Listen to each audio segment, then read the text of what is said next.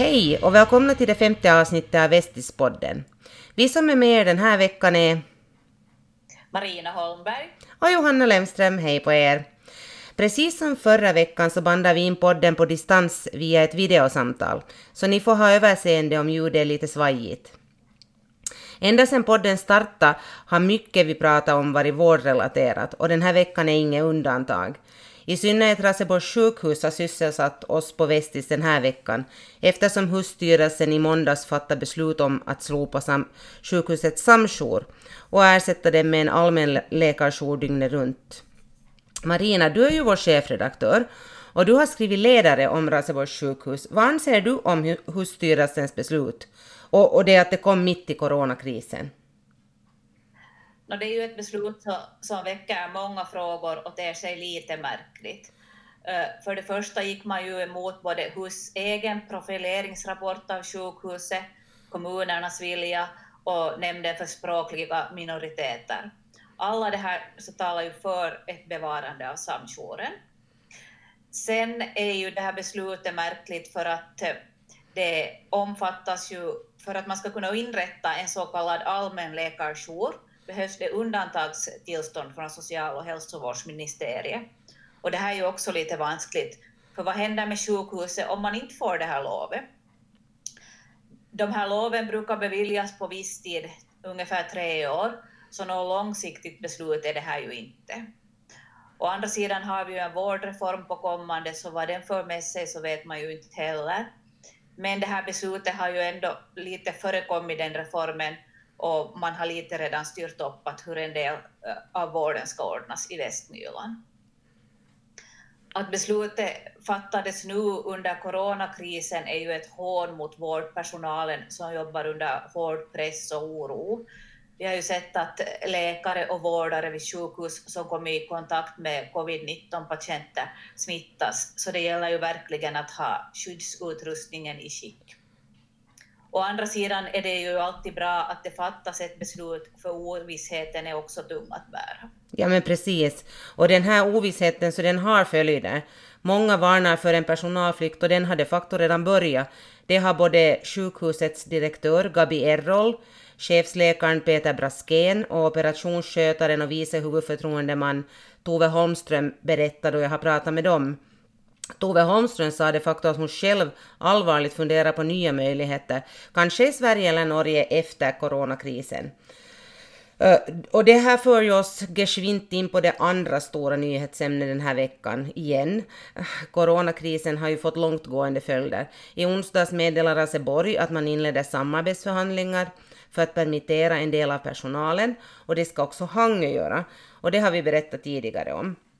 Marina, du har ju koll på vad Hangö stadsstyrelse i måndags beslöt med anledning av coronakrisen. Jo, jag pratade med Hangös stadsdirektör Dennis Strandell för ett par dagar sedan och då sa han att Hangö de facto har noll bekräftade fall hittills. Det här betyder ju ändå att det kan finnas smittade i staden. Men oberoende så drabbas ju Hangö och företagen där lika hårt som alla andra av den här krisen. Därför har staden beslutat att man ska stödja Hangö företag som har utgifter till staden.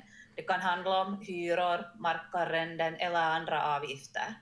För de här avgifterna kan man beviljas förlängd betalningstid upp till sex månader.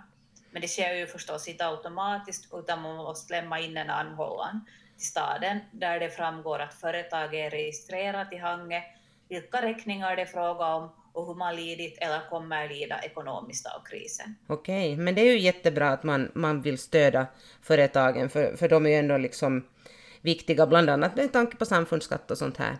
Men eh, vad har du tänkt på annat under den här veckan? No, jag har tänkt på det här att allt fler rör sig ute i naturen nu då, då det ju finns andra äh, begränsade möjligheter till att utöva till exempel hobbyn och lagsporter. Äh, på vissa håll närmare huvudstadsregionen, till exempel på Kopparnäs friluftsområde i Ingås, har det varit trängsel på stigarna. Men det finns ju alternativa rutter att röra på sig. Och det är ju bra att, att människorna är ute och rör på sig, bara man ser till att hålla avstånd. Äh, och det tycker jag har funkat. Däremot har jag sett några skrämmande exempel på att man lämnar eld vid rastplatser. Usch. Till exempel på ett ställe som jag kom till under en av mina vandringar så brann det helt med låga inne i en sån här cementring. Men det kan ju ändå bli farligt att redan en gnista som kommer utanför för ringen kan antända Marko och så sprider sig elden lätt. Det är ju faktiskt nog om det här med att om man gör upp eld. Och det är ju lite så här att finländarna vill ha sin korv på vandringen, men man kan ju faktiskt ha annat i matsäcken också. Jo, jo, absolut. Och sen om det nu är så att man måste ha varmkorv på utfärden, så jag har ett tips. Ta varmt vatten i en mattermos och förvara knackkorvar i den. Och så kan du ha hotdogbröd med, så då får du varmkorv med bröd på din utfärd.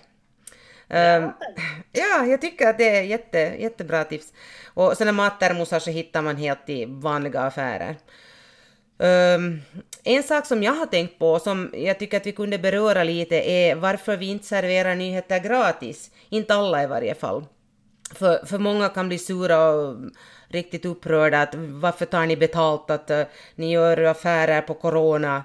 Bland annat ser man det här i vårt kommentarsfält på Facebook. Och det gäller inte bara oss utan många andra tidningar.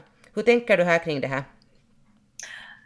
No, vi har ju glädjande nog märkt att, att uh under krisen att många vill läsa våra artiklar, att, att vår, uh, våra webbsiffror har, har ju ökat markant under de här senaste veckorna. Och där har vi ju den linjen att, att de artiklar som är allmännyttiga är öppna och kan läsas av alla, medan fördjupande artiklar och, och artiklar som har unika vinklingar är förbehållna våra prenumeranter.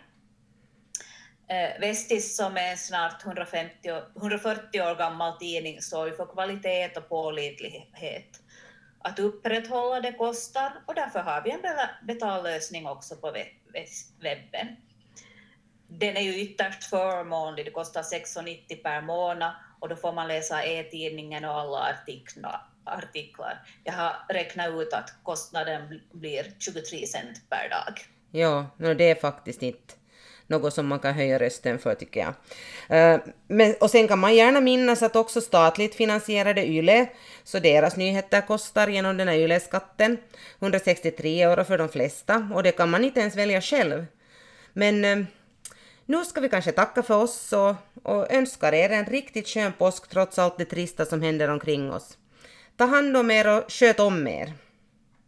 Hej då och ha en skön påsk. Bye bye!